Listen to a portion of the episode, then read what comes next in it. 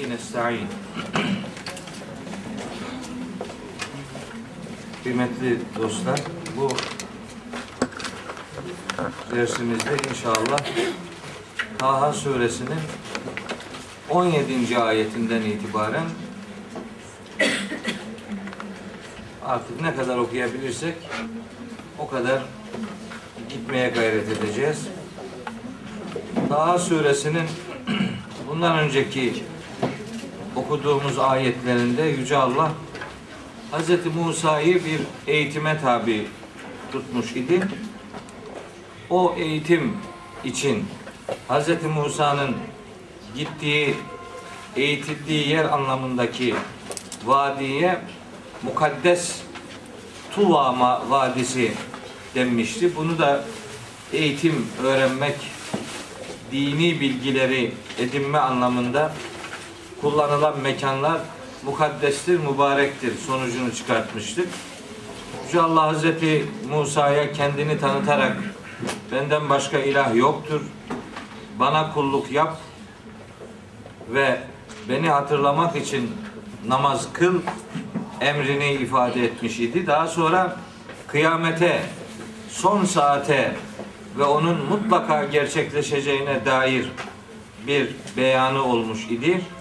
Ve hak yoldan, hakikat yolundan peygamber bile olsa insanların saptırılma çalışmaları olabileceğini ifade ederek ahirete veya hakikatlere inanmayan, böylece kendi hevasına tabi olan insanlara karşı duyarlı olunması gerektiğini ifade etmiş. Aksi takdirde hakikatten sapabileceğini, gücünü, takatını kaybedebileceğini ve zarara, ziyana uğrayabileceğini ifade eden bir hatırlatmayla surenin 16. ayetini toparlamış idik. Şimdi 17. ayeti işte genel ifadelerle pek çoğumuzun hakkında biraz malumatımız bulunan bir konu başlıyor. Hz. Musa'nın asası konusu. Çok önemli bir konu. O asa meselesini güne getirmenin bugün o asanın neler ifade ettiğini anlayabilmenin ve böylece ayetleri de bizim hayatımıza getirebilmenin çabası içerisinde olacağız. O itibarla yapacağımız e, bugünkü derste bir mucize kavramının peygamber olmayan insanlar için ne anlam ifade edebileceğini sizlere hatırlatmaya gayret edeceğim inşallah. Daha önce ifade etmiştim. Eğitimde en önemli metotlardan biri zaman zaman muhataba soru sormaktır. Siz dinleyicilere ara sıra soru sorarsanız onların dikkati daha canlı olur. Uyuklamaz, başka işlerle meşgul olmaz ve habire kendi zihnini zinde tutar. Biz bunu modern eğitim metotları içerisinde uygulanan bir teknik olarak biliyoruz ama biz buna dair Kur'an'a baktığımız zaman Kur'an'ın bu metodu zaten kullanmış olduğunu rahatlıkla görüyoruz.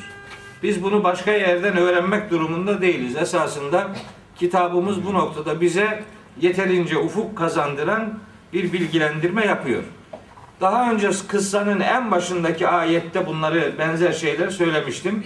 Ve hel etake hadisu Musa. Sana Musa'nın haberi gelmişti değil mi? Sorusuyla peygamberimiz zinde tutulmaya gayret etmiş idi. Bu defa Hazreti Musa eğitilirken Yüce Allah ona soru soruyor ve onun bazı şeylerin farkında olması gerektiğini ona öğretiyor. İfade şu. Estağfirullah.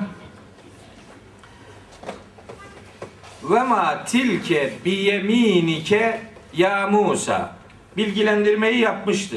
Önce tevhide vurgu yapmıştı. Sonra ibadete değinmişti. Sonra namazı ya da Allah'tan yana olmanın önemini Hazreti Musa'ya öğretmişti. Sonra ahiret inancı bilincini ona kazandırmış idi Şimdi onu bir başka eğitime tabi tutuyor. Burada e, Keyif suresini okumadık henüz. Keyif suresini okuyacağımız zaman yakinen müşahede edeceğiz. Hz. Musa'nın çeşitli eğitime tabi tutulduğu örneklikler var Kur'an-ı Kerim'de. Mesela bir genç delikanlıyla yaptığı bir yolculuk var. Keyif suresinde anlatılıyor. Sonra işte Hızır diye bir kavram devreye sokuluyor. Musa Hızır kıssası diye şöhret kazanmış bir kıssa var. Gene Keyif suresinde anlatılıyor. Hz. Musa böyle değişik şekillerde eğitime tabi tutuluyor. İşte o değişik eğitim metotlarından biri de onun elindeki değnekle alakalı uygulamaya konuluyor. Ve Yüce Allah ona buyuruyor ki Estağfirullah ve ma tilke biyeminike ya Musa Ey Musa sağ elindeki nedir senin? Soru soruyor. İfade ettiğim gibi sorunun sorulmasının birinci sebebi muhatabın dikkatinin canlı tutulmasıdır. İkinci sebebi sorular her zaman cevabı öğrenilsin diye sorulmaz. Sorular bazen cevap öğrenilsin diye sorulur. Bazen cevap dikte etmek için sorulur. Bazen soranın da cevabı verenin de değil, üçüncü şahısların bilgilenmesi için sorulur. Bazen sorular soruyu soranın bilgisini ortaya koymak için sorulur vesaire. Soru sorma çeşitleri var. Buradaki sorunun sorulma gerekçesi cevabı öğrenmek değil. Soru sorulan kişiye daha farklı şeyler öğretmek için soruluyor. Cenab-ı Hak Hz. Musa'nın elindekinin ne olduğunu elbette Musa'dan da herkesten de daha iyi biliyor. Ama buna rağmen soru soruyor. Bunun amacı bu soruyla beraber başka şeyler öğretilecek demektir. Cevabı öğrenilsin diye sorulmuş bir soru değil bu. Cevabı muhataba öğretilsin diye sorulmuş. Bizatihi soruyu soranın cevabı da kendisini kendisinin vereceğini ifade edebileceği bir soru sorma biçimidir. Bu soru Hz. Musa'nın elindeki DNA'yı sorguluyor Yüce Allah. Buyuruyor ki Hz. Musa'ya elindeki ne? Bu şu demektir bizim için de. Hz. Musa için elindeki ne sorusu değnekle alakalı bir sorudur. Bize yönelik böyle bir soru bizim elimizde değnek yok. O zaman bu sorunun bize ne mana ifade ettiğini öğrenmek durumundayız. Bizim için bu soru sahip olduğunuz varlıkların farkında mısınız? Siz nelere sahipsiniz? Size verilen şeyler nelerdir? Bunu biliyor musunuz? Hangi nimet sizin için ne anlam ifade ediyor? Sahip olduğunuz şeylerin size veriliş gayesi nedir? Bunu düşünün. Musa için bu bir asadır. Bizim için de sahip olduğumuz her nimettir. Ve çok enteresan yani insanın elinde bulunan şeyin sorgulanması çok alışkın olmasına rağmen insanın bazen farkında olmadığı bir takım nimetlerle buluşturulmuş olduğunu ona hatırlatır. Yani hiç kimse için mesela işte sağ elin diyelim ki beş tane parmağının olmasının, parmakların böyle çeşitli boğumlarının olmasının, ne bileyim avuç ayası içerisindeki bu çizgilerin şu veya bu şekilde çok bir çok bir anlamı yoktur. Kimse düşünmez bunu. Ama ne zaman ki bunun başına bir iş gelir, o zaman bunun kıymetini herkes anlar. Mesela sizin içinizde hiçbiriniz benim kadar sol elin kıymetini bilemez. Çünkü sizin sol elinizde hiçbir sorun yok. Ama benim sol elim sakattır. Benim sol elim çalışmaz. Bir trafik kazası geçirdik. Bu kolum benim sakat kaldı. Bu tam hareket etmez. Zayıftır, ince kalmıştır. Gücü yoktur. Ne bileyim his kaybı vardır. hareket kısıtlaması vardır vesaire vesaire. Hatta dahasını size söyleyeyim. Ben 15 sene önce bir trafik kazası geçirmiştim. 15 seneden sonra bu sene bu dirseğimin üstünde bir küçük şey e, bir sertlik vardı. Ya bu nedir ne değildir? Bende de böyle bir hastalık var. Vücudumda bir yara, sivilce bir şey oldu mu onunla çok uğraşırım. Yani ellerimi oradan geri alamam yani. Başladım bununla uğraşmaya. Tesbih gibi habire burayla uğraşıyorum. Tabi siyahladı miyahladı. Yakın bir geçmişte bir, bir baktım ki bir uç verdi. Sert bir uç bir bakarım ki cam. Cam var orada. Ta 15 sene önceki trafik kazasından kalma kolumda cam varmış. Vücut yabancı maddeyi zamanı gelince dışarı atıyor. Yani demek istiyor ki sen benim değilsin. Hadi bakalım bir yerden bul çık. 15 sene sonra 3-4 gün önce o camı gittim hastanede aldırdım. Tabi şu yüzüm gözümün altında da bir cam var. Yani ta 15 seneden öncesinden kalma cam var. Şimdi sol tarafa yattığım zaman bu batıyor bana. Böyle sol yanağım üzerine fazla uzun süre yatamam çünkü acıtıyor, içeriye batıyor. Bu öbürü de öyleydi. Şimdi yani sol tarafa yatmanın kıymetini de siz benim kadar bilemezsiniz. Sol elin kıymetini benim kadar bilemezsiniz. Ben de başkalarının sıkıntısını çektiği bir şeylerin kıymetini onlar kadar bilmem. Bakın Allahu Teala bir insana sahip olduğu şeylerin farkında olmayı öğretiyor. Ey Musa elindeki nedir? Yani elindeki şeyin farkına bak. Bunun senin için anlamı nedir? Bu anlamla ilgili zihnini yoğunlaştır. Bir sor bakalım. Soru soruyor. Herkes kendine sorsun bunu. Bu neye yarıyor acaba? Bunun var ediliş gayesi ve bana veriliş gayesi nedir? Ve ben bu nimeti veriliş gayesi doğrultusunda acaba değerlendiriyor, değerlendiriyor muyum? Bu soruyu bize sorsun diye, bize sordursun diye bu, burası anlatılıyor. Yoksa Allahu Teala Hazreti Musa'nın elindekinin ne olduğunu herkesten iyi biliyor. Bu önemli. Ona DNA'yı sorduruyor, bize de her şeyi sormamızı öğretiyor. Sahibi olduğun şeylerin farkına var. Şimdi Hazreti Musa cevap veriyor. Bakın. Kale diyor ki Hazreti Musa Hocam o cam çıkmıyor biz orada kaldık. Şimdi o cam çıktı orada kaldık. bu, bu duruyor burada. Bu orada ya. Bu burada duruyor. Bu kolumdakini aldırırken doktora dedim ki bunu da alabilir miyiz dedim. Aldı biz de rahat değil. Bunu alamayız dedi. Çünkü bu göze çok yakın. Bu, bu, bu göze çok yakın olduğu için biraz riskli bir iş dedi. Efendim genel anestezi gerektirecek bir iş filan. Genel anestezi deyince korkuyorum ben zaten. Ben 10 kişiye yetecek kadar narkoz almış bir adamım. Kolumun ameliyatında 1994 yılında tam 9,5 saat narkoz altında kaldım. Bu kolum paramparçaydı. Onu bir doktor Allah ondan razı olsun. İşte genç bir ilahiyatçıdır. Bunun dine, diyanete hizmeti olur. Kesmeyelim bu adamın kolunu diye. 9,5 saat 3 kalp ameliyatı süresince devam eden bir ameliyatla paramparça olan bu sol kolumu bu hale getirdi. Önce Cenab-ı Hak şifa ihsan etti tabi. Ama antiparantez bir şey daha söyleyeyim. Madem sırası geldi. Ben o zaman ameliyata girerken tabii ben komadaydım, kendimde değildim.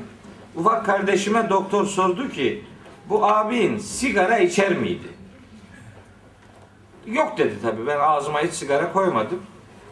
Ameliyattan çok sonralar doktora dedim ki bunu niye sordun dedim. Hocam dedi eğer sigara içiyor olsaydın kolunu tamir etmeye hiç girişmeyecektik. Hemen kesecektik dedi kolunu. Niye? Çünkü sigara içen adamın parçalı kırıkları tutmaz dedi. Nikotin kemiklerin birbirine kaynama özelliğini yok eder dedi. Dolayısıyla kesecektik kolunu. Sigara içenlere duyurulur. Sigara çok yönlü bir yasaktır. Çok yönlü. Öyle bir yönlü değil. çok yönlü bir yasaktır. Mesela ben bunu hayatımda böyle yaşadım. Allah sizi böyle bir imtihanla inşallah denemez. Ama bir parçalı kırık olursa bilin ki sigara içen için o parçalı kırıklar, açık kırıklar tutmama ihtimali çok yüksektir. Allah korusun. Evet. Şimdi Hz. Musa cevap veriyor. Bakın bir peygamber Allah'ın sorusuna nasıl cevap veriyor? Diyor ki Kale Hiye asaye O benim değneğimdir. Asa Asa kelimesi fiil olarak isyan etmek anlamına gelir. isim olarak değnek anlamına gelir. Hiye asaye Asa kelimesi sattan sonra ye ile yazılırsa fiildir. Elifle yazılırsa isimdir. Biraz böyle kopya vereyim. Asaye o benim değneğimdir. Şimdi devam ediyor ama bakın. Etevekke'u aleyha ben o değnekten destek alırım. Yani ona yaslanırım. Baston yani. Ve ehuşşu biha ala ganemi. Ben o değneğimle koyunlarıma, davarlarıma yaprak silkelerim. Yani işte yiyecek e, toplarım. Veliye fiha me'aribu uhra. O değnekte benim için başka kullanım alanları da vardır. Musa peygamberin cevabı bu. Bir hadis-i şerif okumuşum buna ile ilgili. Bir gün bir Yahudi peygamberimize bir şey sormuş. Peygamberimiz de ona biraz uzun cevap vermiş. Yahudi demiş ki yani niye bu kadar uzun cevap veriyorsun? Yani sana cevabı çok kısa olan bir soru sordum. Niye uzun soruyu cevaplıyorsun diye deyince kardeşim Musa'nın sünnetini uyguluyorum demiştir. Allahu Teala ona elindeki nedir? Değnektir deyip geçebilirdi. Ama konuşmayı biraz uzatsın ve ilahi hitaba biraz daha çok muhatap olabilsin diye Musa bu cevabı uzatmıştı. Ben de onun için sizin peygamberin ve benim kardeşimin sünnetini uygulamak için cevabı uzatıyorum demiş idi peygamberimiz. Öyle bir kendisine sorulan soruya cevaben. Burada tabi Hz. Musa'nın konuşması böyle bitmiyor. Başka konuşmalar da var. Devam ediyor. Daha neler var? Daha Hz. Musa'nın Cenab-ı Hak'la şu Ara suresinden nakledilen bir konuşması var ki bayılırsınız yani. Yani iki arkadaş konuşuyor, muhabbet ediyor. Böyle bir hava var. Nefis bir konuşma. İnşallah şu Ara suresini okuduğumuz zaman onu da orada göreceğiz. Bu surede de biraz sonra gelecek ayetlerde konuşmalar devam ediyor. Şimdi bu cevap gördüğünüz gibi dört cümleden oluşuyor. Bir, bu benim değneğimdir. İki, ona yaslanırım. Üç, davarlarıma yaprak silkelerim. Dört, başka bana, bana menfaati olan alanlar, başka kullanım yerleri de vardır. Dört tane, dört cümleden oluşan cevap veriyor. Biz buradan ne anlayacağız? Bir,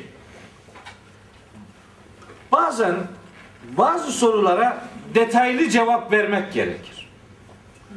Bazı sorular vardır, kısa cevap verilir ama bazı sorular vardır. Bu sorulara detaylı cevap vermeniz lazım. Yani önemine binaen, lafı uzatmak için değil, önemine binaen detaylı cevap verilmesi gereken sorular olabilir bir. İki, öyle bir cevap vereceksiniz ki bu cevap başka soruların sorulmasına neden olmayacak. Yani muhtemel arzu edilen bütün şeyleri söyleyeceksiniz ki o arada yine o soruyla alakalı başka bir sorunun sorulması zorunluluğu olmasın. Bazen uzun cevap verilir ve bu uzun cevap verilmesinin asıl gerekçesi yeni bir sorunun sorulmasını engellemektir. Yani sözü lüzumsuz uzatmamaktır. Hz. Musa'nın bu uzun cevabından bunu anlıyoruz. O veliye fiha me'aribu uhra yani cevabın dördüncü cümlesi. benim için bu değnekle ilgili başka kullanım alanları da var cümlesi çok nefis bir cümle. Bu bize şunu öğretir. Gereksiz, lüzumsuz şeyleri söylemeyeceksin. Yani soruyan doğru cevap olacak şeyleri söyleyeceksin. Lüzumsuz ayrıntılara girmeyeceksin. Bunu öğretir. Lafı lüzumsuz yere uzatmayacaksın. Ya bunun benimle ilgili başka kullanım alanları da vardır. Yani muhtemelen bir gencin hayatında DNA'nın anlamı nedir? İşte yolda giderken belki bir dikeni ayıklamaktır veya gece giderken önüne bir şey gelirse ondan kurtulmaktır veya bir vahşi hayvana karşı bir ne bileyim bir tepki ortaya koymaktır vesaire.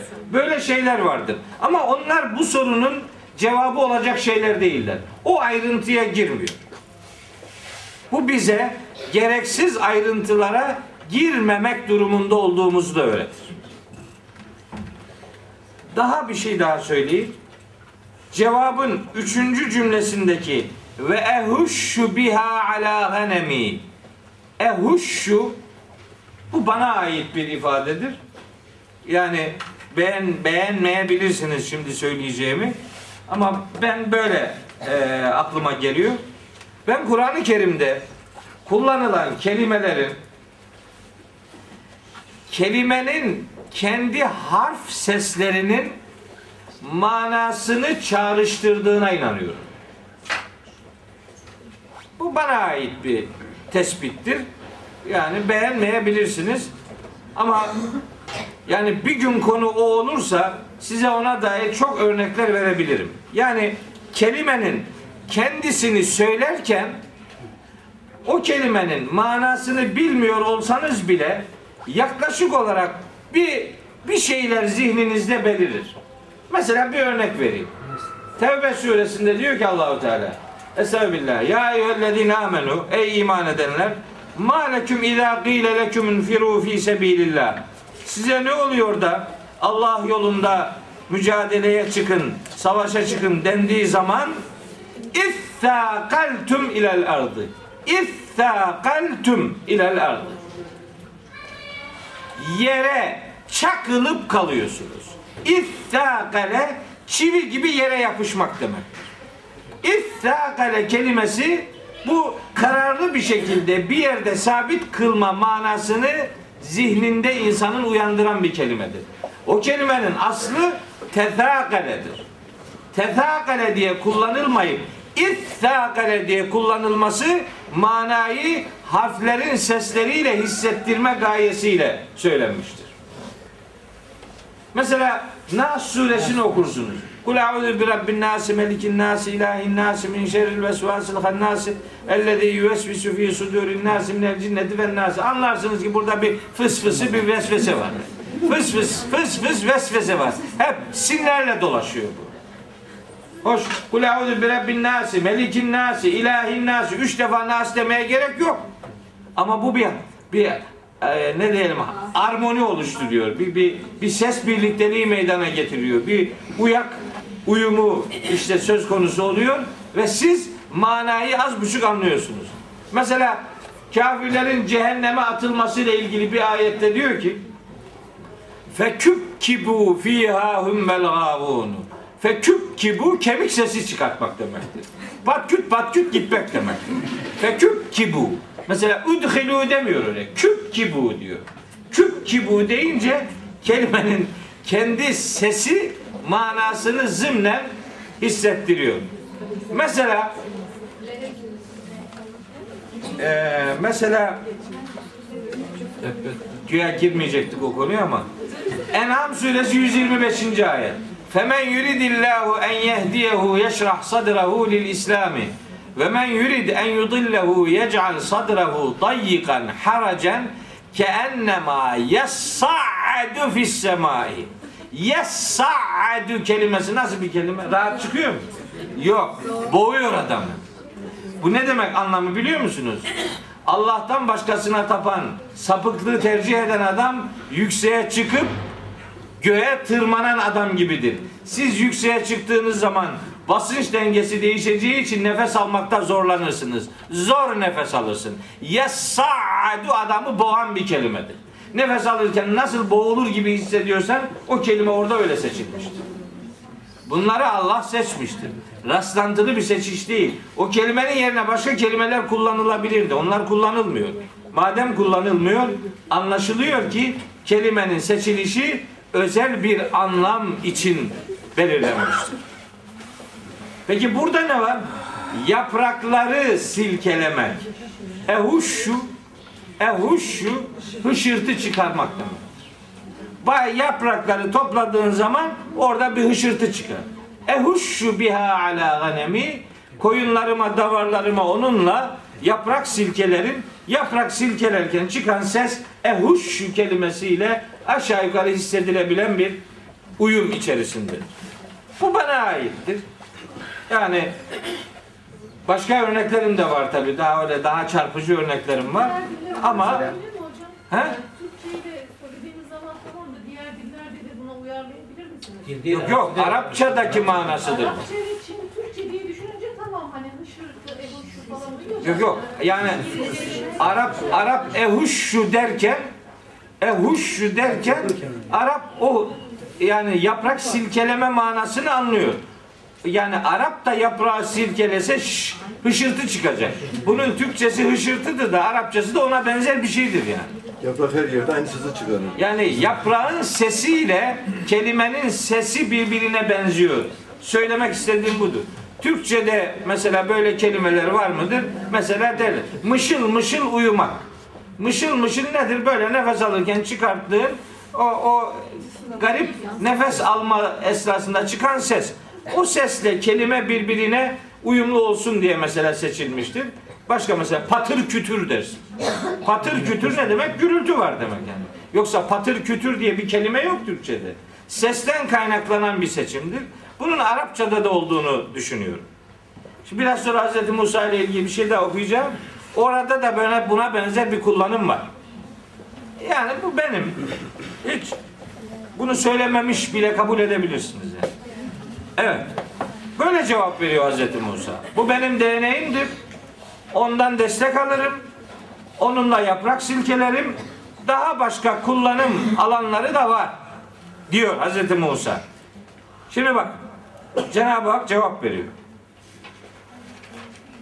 Cevap vermiyor da bu konuda Hz. Musa'yı bir yeni denemeye, deneyerek bir şeyleri ona öğretmeye dair bir eylem başlatıyor.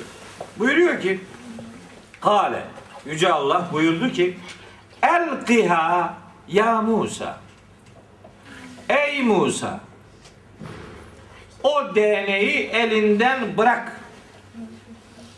Elki bırak at. E değneği elinden bırak ey Musa. Şimdi bununla ilgili birkaç bir şey söyleyeceğim. DNA'yı bırak. Bu emir aslında Hz. Musa'nın ailesine yabancı bir emir değil. Hz. Musa'nın annesine de Cenab-ı Hak bir şey demişti. Demişti ki çocuğu suya bırak. Anne teslimiyetin zirvesini ortaya koyarak çocuğunu Nil nehrine bırakmış idi. O teslimiyet ruhuyla yetişen ailenin fertlerinden Hazreti Musa da DNA'ni bırak emrine muhatap kılınmıştı. DNA'yı bırak dedi. O da bırakmak üzere harekete geçti. Şimdi niye DNA'yı bırak diyor ona? Aslında değnekle alakalı cevapları verdi Hazreti Musa. Cenab-ı Hak şimdi ona diyor ki bu DNA'nın neye yaradığını sen kendi cümlelerinle özetlemeye çalıştın. Ama onun var ediliş gayesi senin bildiğinden ibaret değildir. Sen onun kullanım alanları ile ilgili bir şeyler biliyor olabilirsin. Ama devreye ben girdiğim zaman başka şeyler ortaya çıkar. Onu öğretiyor. Sen DNA'nın dört değişik kullanım alanını icabında bana söyledin ama bu bundan ibaret değildir. Hatta aklının ucundan geçmeyecek bir takım özellikleri var. Bunu sana göstereceğim demek istiyor Yüce Allah. Ondan sonra Hz. Musa'ya Cenab-ı Hak deney yaptıracak şimdi. Deneyerek Hz. Musa bir şeyi öğrenecek. Hiç bilmediği bir şeyde Yüce Allah ona bir eğitim uyguluyor. Sıra dışı bir şey. Bu bir mucize. Mucizeyi insan yapmaz biliyorsun. Mucize Allah'a aittir. Mucize kelimesi benzerini insanların yapmasından aciz kaldıkları, insanları aciz bırakan olağanüstülüklere denilir mucize. Bu bir mucize. Hz. Musa'nın elindeki asanın yapacağı iş bir mucize. Bir sıra dışı bir iş. Onun için olay bir mucizeye dönüşeceği için Hz. Musa devreden çıkartıldı bakın. Elkiha ya Musa. Onu elinden bırak. Mesele mucize olacaksa insan devreden çıkar. Çünkü mucize insanın yapabileceği bir şey değil. İnsan yapamaz. Devrede artık Allah vardır. Onun için DNA, DNA'yı elinden bırak diyerek işin bizatihi Cenab-ı Hak tarafından şekillendirileceği aşaması başlıyor demektir. Evet. Mucize peygamberlere yönelik Cenab-ı Hakk'ın bir eğitim biçimidir. Onları eğitir. Mucizelerin kafirlere yönelik bir boyutu da vardır. O zaman o mucizenin gereğine inanmazsa muhataplar topluca helak edilirler. Peygamberler tarihinin bir sürü örneğini, örnekliğini biz biliyoruz bu anlamda. Ama mucizenin peygamberi eğiten tarafı da vardır. Hz. Musa için mesela bu asadır. Mesela işte eli elini koynuna koyarak çıkartması bu bu da peygamberi bir eğitimdir. Peygambere yönelik bir eğitimdir. Hazreti Peygamber için mesela Kur'an'ın ona verilmesi de peygamberi eğiten bir mucizedir. Kur'an'ın bizim için mucizeliği de bizi eğitmesi noktasında söz konusu. Hazreti Musa bilgilendiriliyor. Ama konu bir mucize olduğu için Hazreti Musa birebir devrede olmuyor. Devreden çıkartılıyor. Şimdi devrede Cenab-ı Hak var. At o asayı elinden bırak diyor. Feelkaha Musa o değneği elinden bıraktı. Fe izâ hiye fe izâ Feelkaha onu bıraktı. Feiza bu feiza ifadeleri var Kur'an-ı Kerim'de Arapçada. Bunların F harfine fai cezaiye derler. İzaya izai mufacaa derler. Arapça yani. Bunun Türkçesi şu. Bir şey olur aniden bir de bakarsın ki şöyle oldu. Yani hiç beklenmedik bir anda. Fai cezaya izai mufaca'a beraber gelirse aniden hiç hesapta olmayan hiç beklenmeyen bir şey meydana geliyor demektir. Feiza o demek. Birdenbire, aniden, hiç beklenmedik bir şekilde hiye, o değnek hayyetün tes'a hareket eden bir yılan oldu. Birden hareket eden bir yılan oldu. Şimdi Kur'an-ı Kerim'de bu olayla ilgili başka ayetler de var. Hepsini bilerek bir kanaat sahibi olmamız lazım. Mesela şu Ara suresinde, Nemil suresinde bu olay geçtiği yerlerde bir fü'ban kelimesi kullanılıyor. Başka bir yerde can kelimesi kullanılıyor. Yani dört surede bu konu geçiyor. Şu Ara suresinin 32. ayetinde ve Araf suresinin 107. ayetinde ha bir eleştiri vardı bizim derslerle ilgili. Şimdi de o ablayı görmüyorum burada. Ee, Ateş Yürek burada mı? Yok. Ee, surelerin adlarını söylüyorum ya. Tabi hafız olmayanlar ne bilsin hangi sure nerededir. Ben de zannediyorum herkes benim gibi. Surenin adını söyleyince şak diye bulacak zannediyorum. Halbuki surenin sırasını söylemem lazım ben. Ya nerede bulacak? Şu anda bulmak için zor o iş. Dolayısıyla şu Ara suresi 26. suredir. Araf suresi 7. suredir. 7. surenin 107. ayetiyle 26. surenin 32. ayetinde bu yılan dediğimiz kelime sürban olarak geçiyor. Sürban. Sürban iri büyük yılan demek. Sürban. İri büyük yılan. Neml suresi ki bu 27. suredir. Bunun 10. ayetinde ve Kasas suresinin 31. ayetinde Kasas suresi de 28. suredir. Bu kelime can diye geçiyor. Canun. Can küçük çevik yılan demek.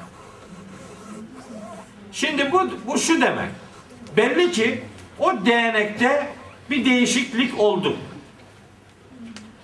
Bazen bu işlerde gören farklı görür, bazen görülende farklılıklar olur.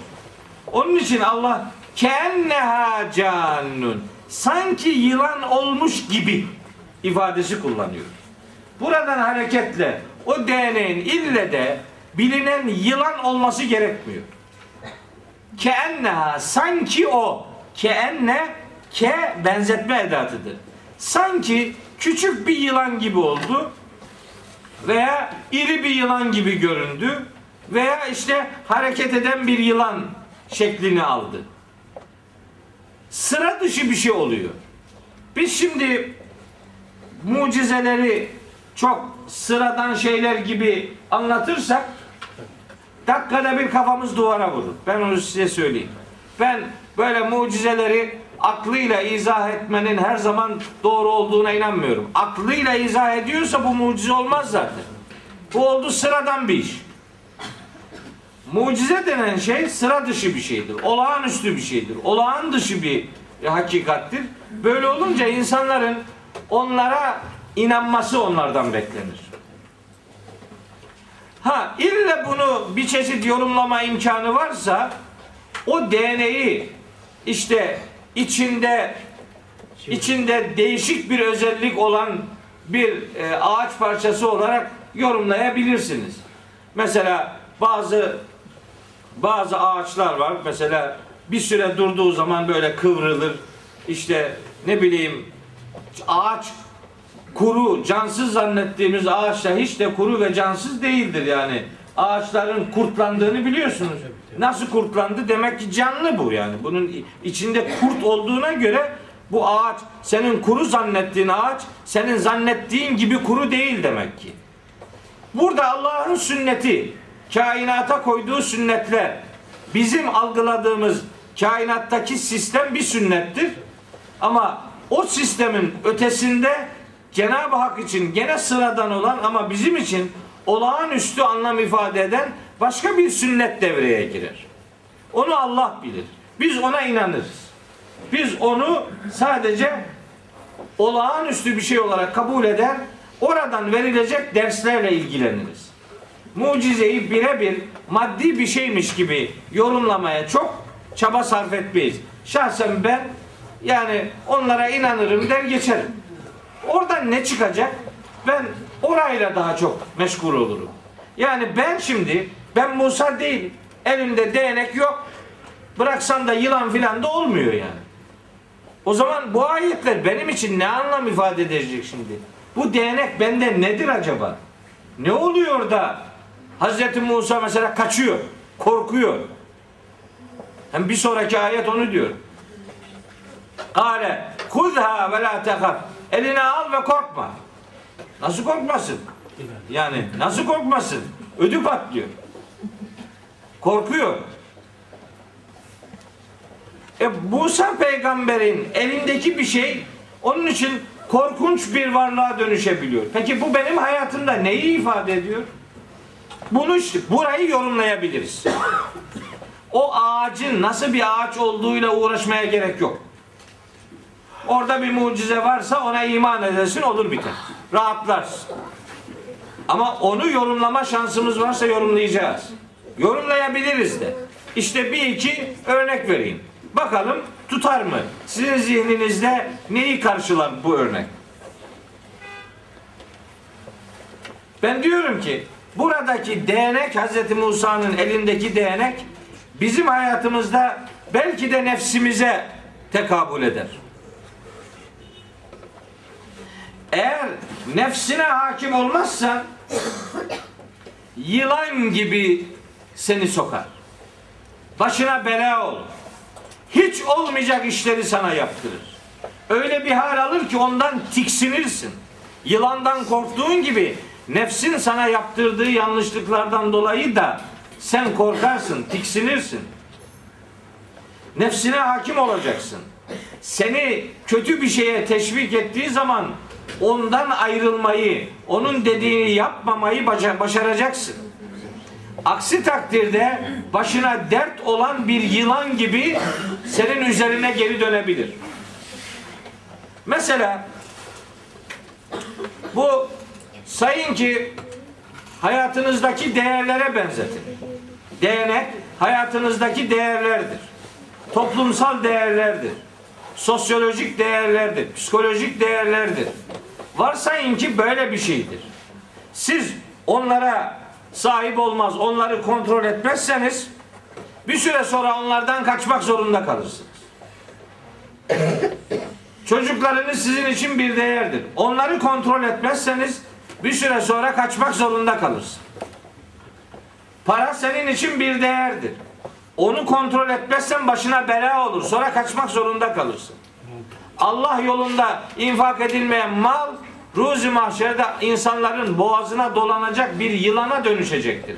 Ali İmran suresinde bu konuda bir ayet var. Seyutavvakune ma behilu bihi yevmel kıyamet. Kıyamet günü o cimrilik yaptıkları mallar onların boyunlarına yılan gibi dolanacaktır. Böyle sıkıntılı bir durum var. Musa'nın elindeki değnek nasıl bir süre sonra başına dert olabilecek icabında korkup kaçabileceği bir yılan halini alıyorsa bizim hayatımızda da kontrol etmediğimiz, sahip çıkmadığımız, gereken hassasiyeti göstermediğimiz takdirde başımıza dert olarak geri dönebilecek bir takım imtihan sorularımızı karşılar. Ali İmran Seyutavvakune ma behilu Aha bak çıktı. Ali İmran 180. Ve la yahsebennellezine yebhalune Ali İmran 3. suredir. Ve la yahsebennellezine yebhalune bima atahumullahu min fadlihi Allah'ın kendi ihsanından kendilerine verdiği malları cimrilik yapanlar şöyle zannetmesinler. Huve hayren lehum. O mallar onlar için hayırdır. Bel aksine şerrun lehum. O mallar onlar için şerdir. Seyutavvakune ma behilu bihi yevmel kıyamet. Kıyamet günü cimrilik yaptıkları bu varlıklar onların boyunlarına dolanacaktır. Ali İmran 180. ayet. İşte bu Hz. Musa'nın elindeki değnek bizim hayatımızda siz bunun örneklerini çoğaltabilirsiniz. Makam, şöhret, para, itibar, mal, mülk bunların hepsi doğru bir yönde kanalize edilip kullanılmazlarsa sahibinin daha sonra korkup kaçacağı bir belaya dönüşebilirler. Kontrol altında tutmak ve onlarla layık oldukları kadar ilgilenmeye gayret etmek görevimizdir diye ayeti böyle bize ve hayatımıza getirmek durumundayız. Devam ediyorum. Kıssa. 21. ayet. Gale diyor ki Yüce Allah ona Hudha eline al. Eline al o değneği. Ve la takaf korkma. Sen, nasıl korkmasın? Yani nasıl korkmasın? Elindeki değnek hareket ediyor. Çok büyük bir ürperti içerisine giriyor. Korkuyor. Ama allah Teala Hz. Musa'nın şahsında peygamberlerine ait çok evrensel bir hakikati bize öğretiyor Neml suresinde. Bakın Neml suresi 27. sure surenin 10. ayetinde diyor ki buyuruyor Yüce Allah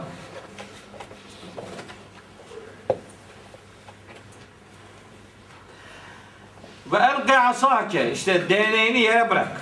Felemma ra'aha değneğe bakınca Musa tehtezzu ha- hareket ediyor. Kenneha cannun aynı yılan gibi. Vella mudbiren ve lem yuakkib. Arkasına bakmadan kaçmaya başlıyor. Korkuyor. Yüce Allah ona diyor ki ya Musa ey Musa la tahaf korkma niye inni la yakhafu ledeyyel murselun. Benim huzurumda kendini bana teslim eden peygamberler benim yanımda korkmazlar. Kendini Allah'a teslim eden için korku yok. Bu ayet bunu öğretir. Musa peygamber için korku olmamasını sağlayan şey onun teslimiyetidir.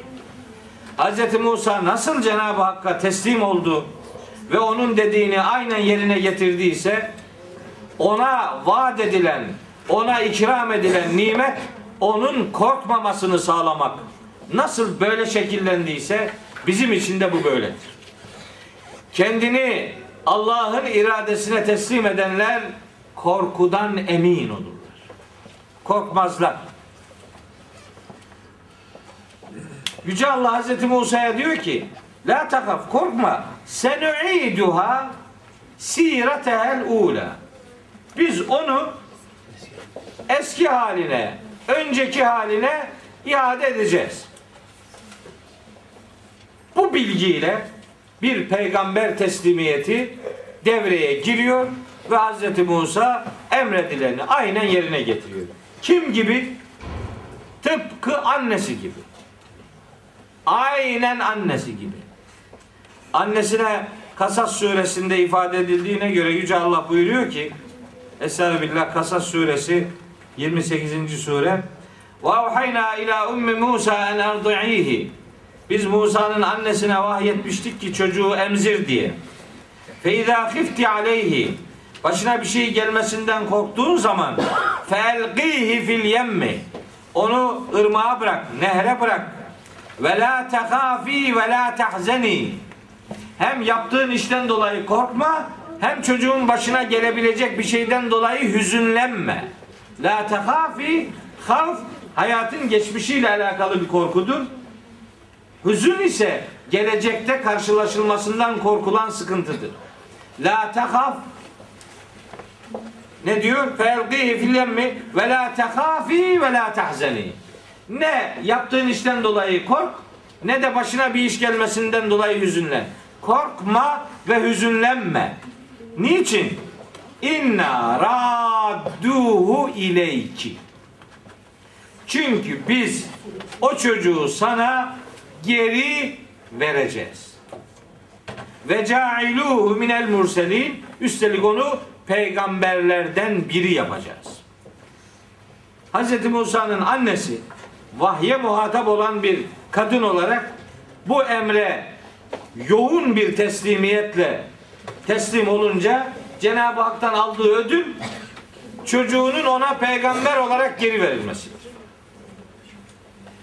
Teslim bir bir biz Musa'lar özlüyorsak Musa'nın annesi gibi annelerimiz olmalıdır. Musa'nın annesi gibi anneler olmadan ortada Musa'lar olmaz. Hanneler olmadan Meryemler olmaz. Meryemler olmadan İsa'lar olmaz. Bu böyledir bu iş. Bizim uşak niye aksi? Bizim uşak da aksi. Ayıp ettin yani. Hiç, hiç merak etme. Aynı. Niye? Ne yediğine bak. Ne yedirdiğine bak. Yedirdiğine bak. Oradan cevabı bulursun. He, maaş alıyorsun. Helal mı haram mı belli değil. Evine gıda getiriyorsun. Nereden getirdiğin belli değil. Hanımlar erkek ne getirirse başım gözüm üstüne der alır yer. İşte haksız yere haram gıdaları yiyenler yüreklerine ateş dolduranlardır diyor. Bunu sahibi söylüyor. Ben söylemiyorum. Nisa suresinin 10. ayeti okuyun bakın. İnnellezîne ye'kulûne emvâlel yetâmâ zulmen innemâ ye'kulûne fî butûnihim nâra ve seyaslevne sa'îrâ İnsanların, yetimlerin mallarını haksız yere yiyenler karınlarına ateş dolduranlardır. Ve onlar öbür alemde de cehenneme yaslanacaklardır diyor. Gene Nisa suresi 29. ayette haksız yere aranızda mallarınızı yemeyin. Ya eyyühellezine amenu ey inananlar La te'külü emvaleküm beyneküm bil batıl İlla en tekûne ticareten an teradin minküm İsterse aranızda ticaretine razı olacağınız türden işler olsun.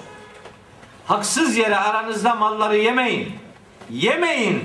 Ve la taktulu enfuseküm. Böylece kendinizi öldürmeyin.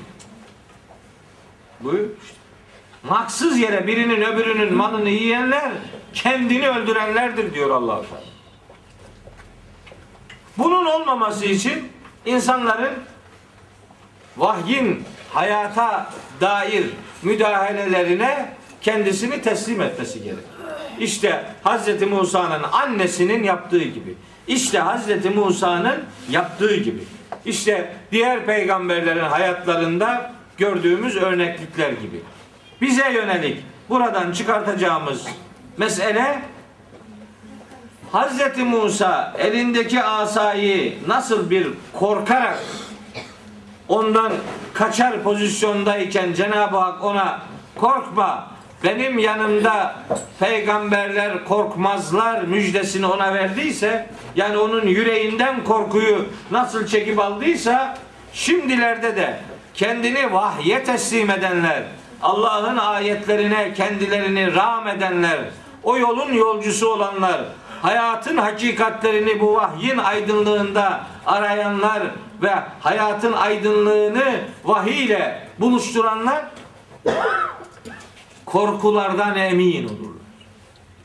Musa peygamber için sonuç korkulardan emniyet ise bu son ümmetin içinde vahye kendini rağm edenler, vahye kendini e, terk edenler de benzer şekilde korkulardan emin olur. Elinizdeki asanın yılan olmasına gerek yok. Başka elinizdeki başka nimetlerin başınıza nasıl dert olduğunu herkes biliyor. Onlardan o o tür olumsuz sonuçlardan korkuyorsak tedbirimizi baştan doğru almak durumundayız. Yani bu sonuçları bu ayetlerden çıkartmamız gerekiyor. Yoksa yoksa bu ayetler bizim için çok da bir anlam ifade etmeyecek. Musa'nın başına gelen bir şeydi. Bana ne deyip geçer ama işte 100 130 küsür ayetlik bir surenin 100 ayeti bu Musa kıssasından oluşuyor. Kur'an-ı Kerim'in beşte üçü kıssalardan oluşuyor. Oralardan güne sonuçlar getirmek gibi bir ödevimiz vardır. Bir görevimiz vardır. Bu görevi ille de böyle bir mucize olarak DNA'nın hareketlenmesine, işi dönüştürmeye gerek yok. Aslında hayatta mucize olmayan hiçbir şey yok. Yani bize teslim edilen çocuklarımız bir mucize değil mi? Bize verilen sıhhat, vücut birer mucize örneği değil mi?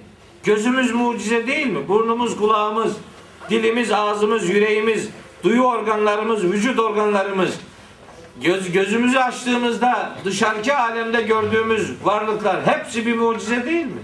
Burada mucize olmayan bir şey var mı? Adam diyor ki Allah yeni bir mucize indirsin. Neye yeni mucize indirecekmiş? Mucize olmayan ne var? Güneşin hareketleri mucize değil mi? Ay mucize değil mi? Şu gök gürültüsü mucize değil mi? Gök gürültüsü. Hiç aklınız alıyor mu? Duman birbirine vuracak, ateş çıkacak. Çıkıyor işte. Gök gürültüsü bulutların tesbihidir. Onlar da öyle tesbih ediyorlar. Mucize. Yağmurun oluşumu mucize be kardeşim. Oku Vaka suresindeki dört tane muhteşem ayeti. Bak nasıl mucizeler böyle günün hayatın ta içinden seçilerek bize sunuluyor. Efereytum ma tumnun. Entum tahlukunehu em nahnul halikun. Nahnu kadderna beynekumul mevte ve ma nahnu bimesbuqin. Ala en nubeddile emsalekum ve nunşiyekum fîmâ lâ ta'lemûn. Ve lekad alimtumun neş'etel ûlâ. فلولا تذكرون أفرأيتم ما تحرسون أأنتم تزرعونه أم نحن الزارعون لو نشاء لجعلناه حطاما فظلتم تفكهون إنا لمغرمون بل نحن محرومون أفرأيتم الماء الذي تشربون bayılıyorum. Evet, Vaka suresindeki o dört maddeye bayılıyor. Bakmaz mısınız neden yaratıldınız siz? Neydiniz ne? Bir, bir, bir düşünün bakalım. Neydin de bu hale geldin? tiksindiğin bir sıvıdan zübde-i alem diye tanıtılan bir varlığa dönüştürüldün. Sen mi kendini yarattın? Biz mi yaptık? Seni başka varlıkların önüne geçirmekte bize kim galip gelebilir? Sizi hiç bilmediğiniz bir başka alemde yeniden yaratacağız. Bu alemde yaratıldığınıza inandığınız gibi yeni bir alemde de yaratılacağınıza inanın. Onu öylece hakikat olarak görün. Bakın tarım ürünleri yetiştiriyorsunuz, ziraat yapıyorsunuz. O ektiğiniz bitkileri siz mi bitiriyorsunuz? Efereytüm ma tahrusun. Ziraat mahsullerinize bakın. Ektiğiniz tarlalara bakın.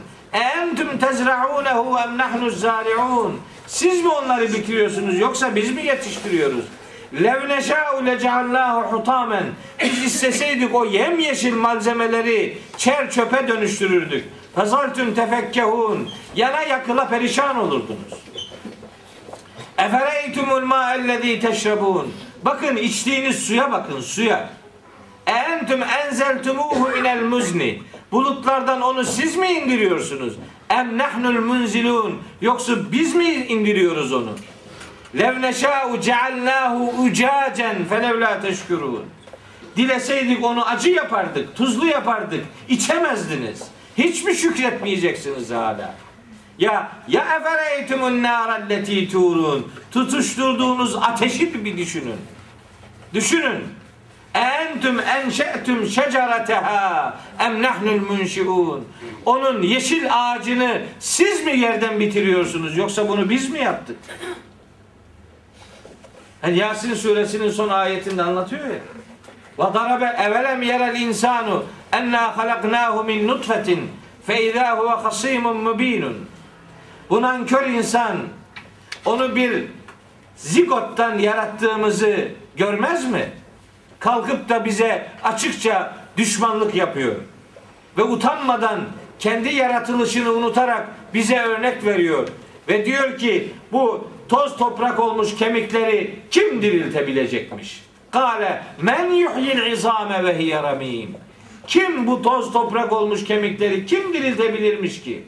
Kul de ki onlara yuhyiha ellezî enşe'eha evvele merre. İlk defa onları kim yoktan var ettiyse yeniden diriltecek olan da odur. Ve huve bi kulli halqin alim. Her türlü yaratmayı bilen de sadece Allah'tır. Ellezî ceale leküm mineşşeceril ahdari naran. Sizin için yem yeşil ağaçtan ateşi o yaratmadı mı? Feyza entüm minhu tuqidun. Şimdi o yeşil ağaçtan ateş tut- tutuşturuyorsunuz. Yeşil ağaçtan ateş. Yeşil ne demek? Islak demek. Islak ne demek?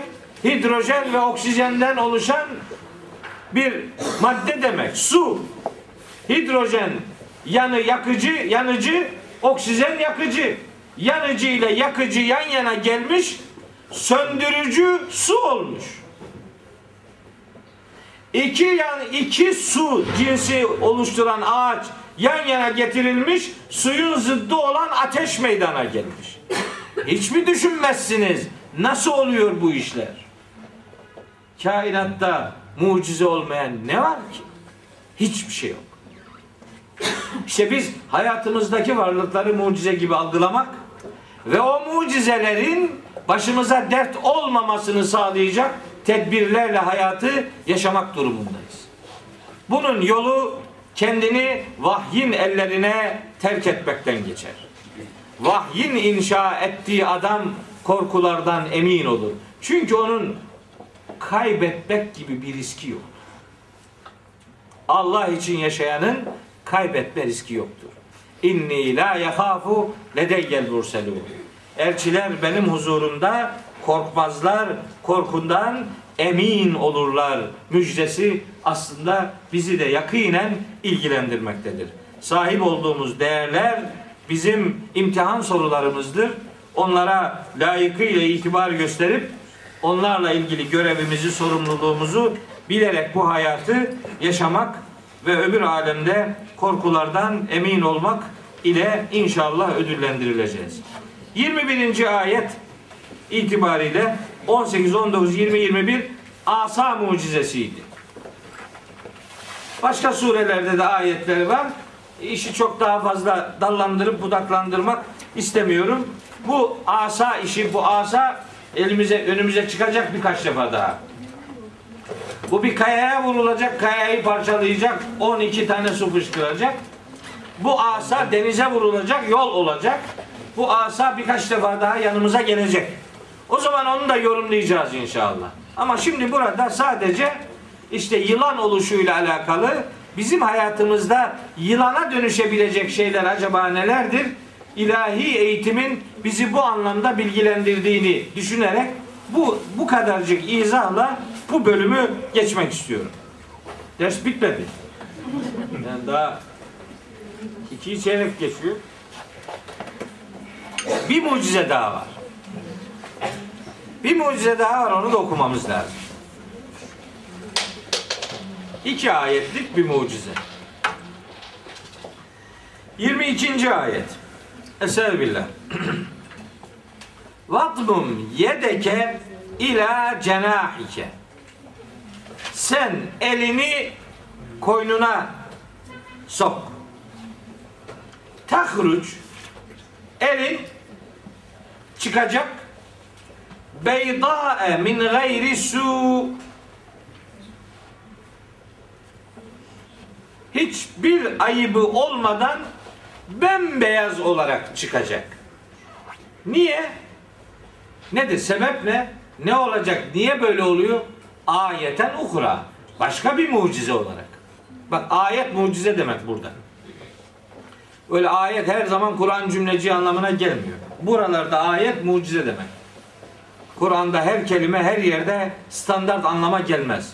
Farklı anlamları vardır. Burada ayet mucize demektir. Elini koynuna sok. Kusursuz bir şekilde bembeyaz çıkacak. Senin için bir başka mucize olarak. Nedir acaba? Burada anlatılmak istenen ne? Min gayri su'in. Her tür kusurdan arınmış olarak. Tevrat'ta Hz. Musa'nın ellerinde bir alaca hastalığı olduğuna dair bir takım bilgileri var. İşte e, yani öyle vücudunda renk değişiklikleri oluyordu öyle bir takım işte yok kekemeydi bir takım şeyler söylüyorlar. Kitab-ı mukaddeste var.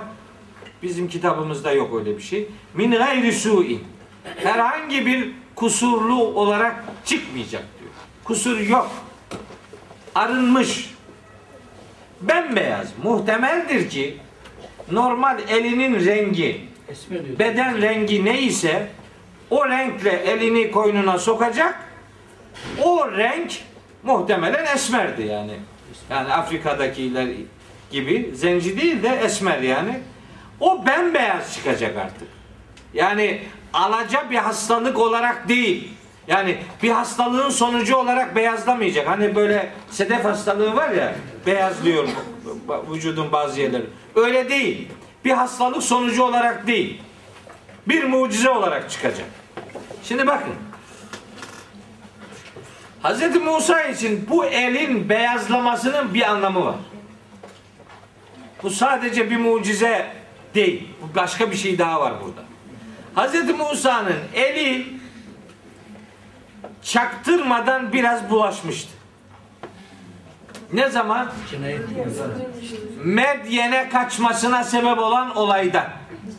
Mısır'dayken iki kişi Kasas suresinde orayı anlatacağız. Kasas suresinde Hz. Musa'nın evliliğini anlatacağız. Müslümanlar nasıl evlenirler? Müslümanların bu kitapla diyaloğu olmadığı için bu kitaba göre nasıl evlenilir onu da bilen yok. Şimdi mesela gidip adamın kızını istiyorsun diyorsun ki işte ya işte şöyle bir delikanlımız var buna bir kız kızını ver filan diyorsun. Adam vermiyor. Hiç hiç o tarakta bezi yok. Ağzına ne gelirse söylüyor. Halbuki bu Kur'an'ı bir kere okusa, bir kere, bir kere Kasas suresini okusa, Hz. Musa'nın nasıl evlendiğini görecek.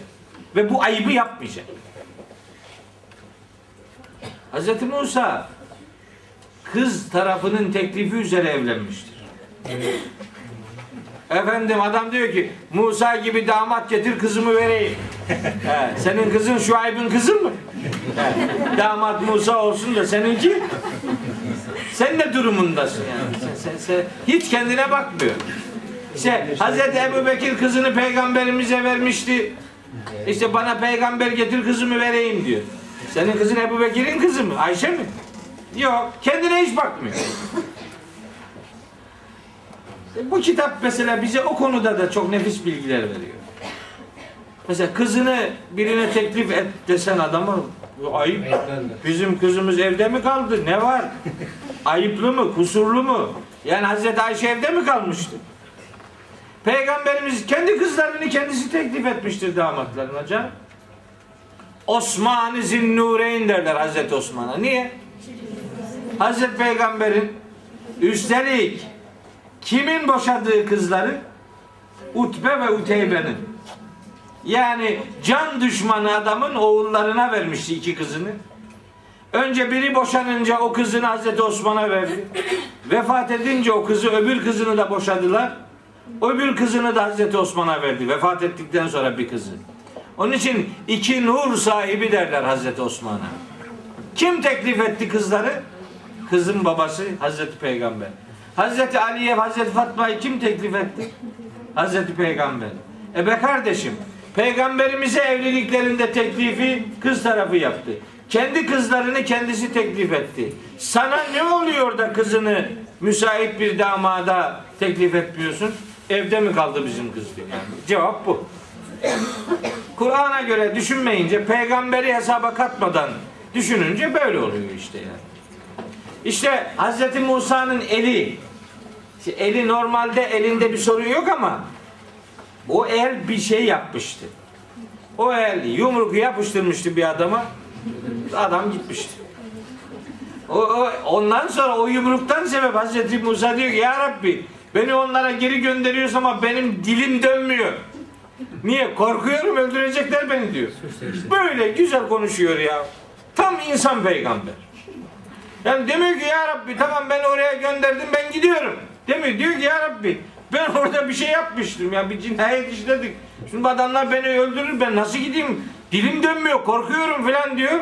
Allahu Teala ona diyor ki korkma. Harun'la beraber git. Gidiyor. İnsan peygamber endişelerini dile getirmede de tereddüt göstermez. Ama emre isyan değil. Hikmeti anlamaya yönelik sorgulamadır bunlar. Yoksa Allah emretti buna rağmen yapmıyorum değil. Ya Rabbi tabii yapacağım ama sıkıntım var. Söylüyor. Hz. İbrahim Cenab-ı Hakk'a diyor ki ya Rabbi ölüleri nasıl diriltiyorsun?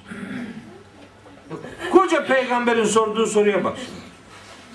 Cenab-ı Hak diyorlar ki evelem tümin. İnanmıyor musun? İnanmadın mı? Hale bela. Tabii inandım diyor. Velakin liyatma inne kalbi. Ya kalbimi bir huzur bulayım.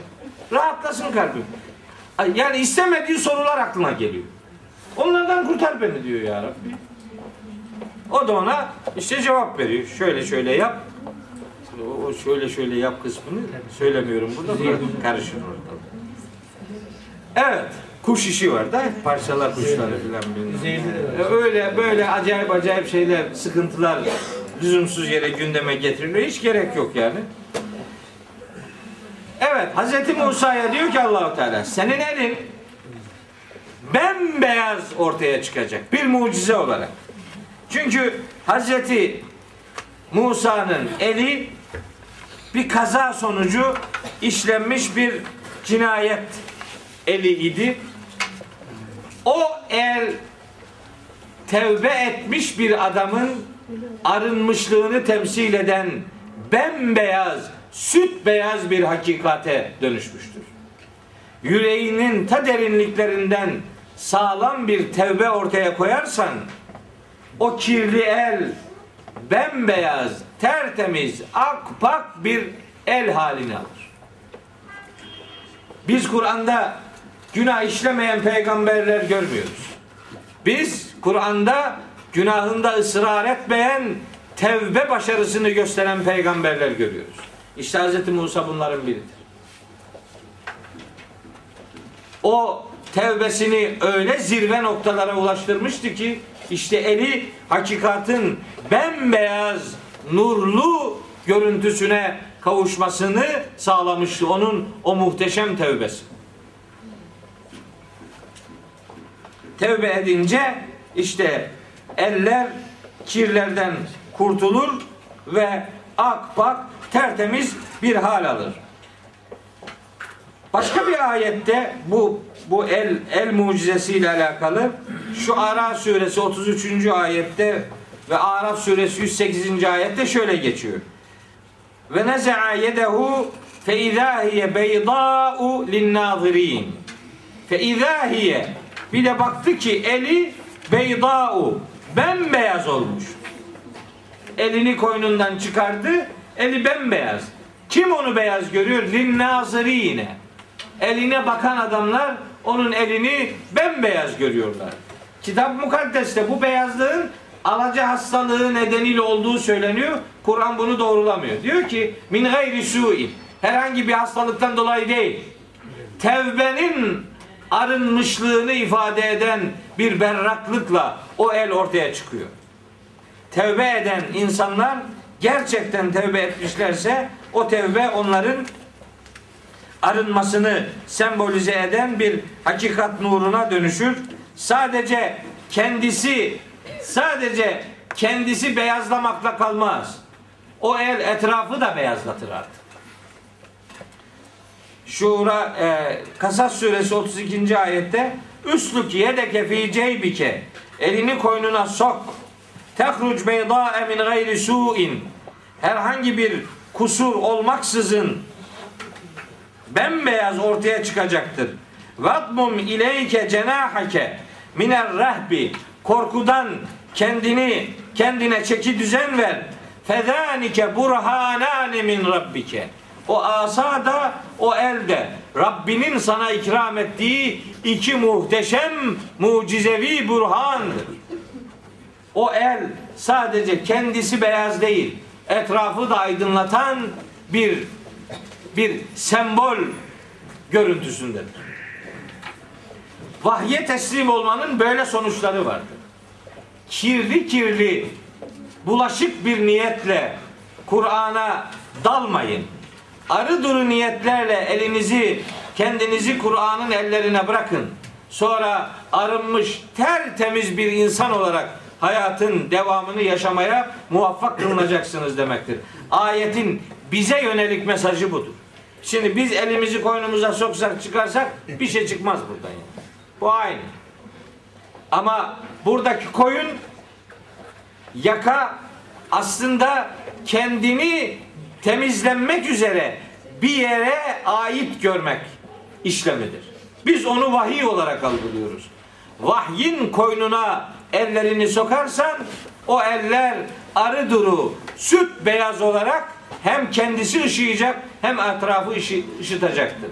Çünkü vahiy kendisine nur adını vermiş olan Cenab-ı Hakk'ın bize gönderdiği bir arınma projesidir.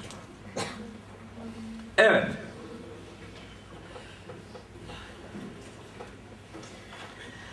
Ondan sonra bir kusurdan dolayı değil, bir başka mucize olarak bu el bembeyaz olarak ortaya çıkacaktır.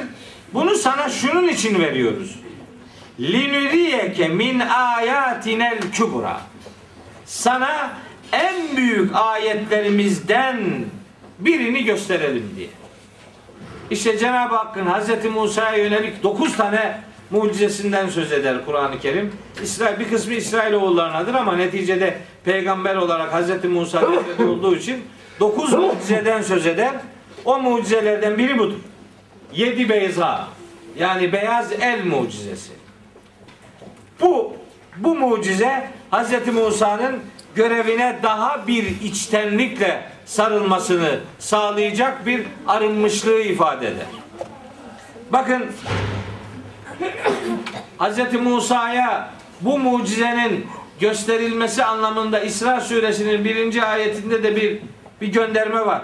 Hani Subhanellezi esra bi abdihi leylen minel mescidil harami ilel mescidil aksallezi barakna havlehu linuriyehu min ayatina. ve ateyna Musa'l kitabe ve cealnahu huden li beni İsrail eller. İsra suresinde Hazreti Hazreti Peygamber'e İsra esnasında gösterilen bir mucizeyi o ayet bize veriyor. Aynı zamanda Necim suresinde de Hazreti Peygamber'e yönelik böyle en büyük mucize ifadesi kullanılır. Hem Hazreti Musa için kullanılır hem Hazreti Peygamber için kullanılır. Orada lekad ra'a min ayati rabbihil kübra. İsra esnasında Cenab-ı Hak Hazreti Peygamber'e en büyük mucizesinden birini gösterdiğini ifade ediyor. O o yolculukta peygamberimizin gördüğü mucize benim anladığıma göre onun gördüğü şey aslında Hazreti Cebrail idi. Gördüğü en büyük, onu en çok dehşete düşüren, onda en büyük değişimleri ve dönüşümleri meydana getiren mucize Hazreti Cebrail'in peygamberimize kendi orijinal haliyle görünmesiydi.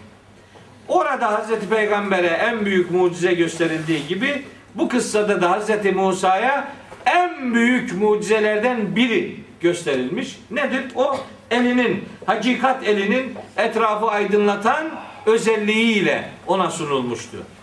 Hazreti Musa'ya en büyük mucizenin gösterilmesinin çok önemli bir sebebi daha var. Çok önemli bir başka sebebi Hazreti Musa'nın karşısındaki adam en büyük azgınlığı yapmıştı.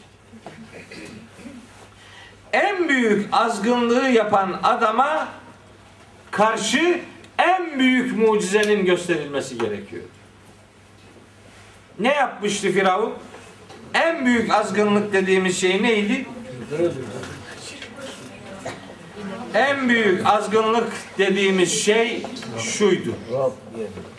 Mümin suresinde, Gafir suresinde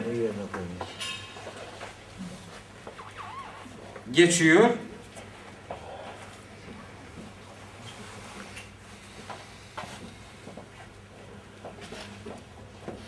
Gafir suresinde geçiyor dersen çok ararsın. Gafir'de geçmiyor. Siz de aramayın, oralarda değil. Kasas suresinin 38. ayeti. Kasas 38. Orada Mümin suresinin de ilgili ayetlerinde Hz. Musa'dan söz ettiği için oraya aklım gitti. 38. ayette diyor ki bakın. Ve kâle firavunu. Firavun demiş ki Ya eyyuhel mele'u Ey yöneticiler Ma alimtu leküm min ilahin gayri Ben sizin için benden başka hiçbir ilah tanımıyorum. Kendisinin ilah olduğunu söylüyor yöneticilerine. Sonra Naziat suresinde de işi hepten zıvanadan çıkartıyor. Bu defa diyor ki Naziat suresi 24. ayette fekale ene rabbukumul a'la diyor ki ben sizin en yüce Rabbinizim ya da ben sizin Rabbinizim ve en yüce benim. Rablik iddiasında bulunuyor. İnsanlık tarihinde Rablik iddiasında bulunan başka biri çıkmamıştır. Bu Firavun'a ait bir hadsizlik, densizliktir. Onun en büyük cürmuna karşılık Cenab-ı Hak Hazreti Musa'ya en büyük mucizelerini göstermiştir. O asa denen şey Hazreti Musa'nın elinden Cenab-ı Hakk'ın gösterdiği o asa mucizesi Firavun'u perişan edecekti. Nerede? Büyücülerin huzurunda.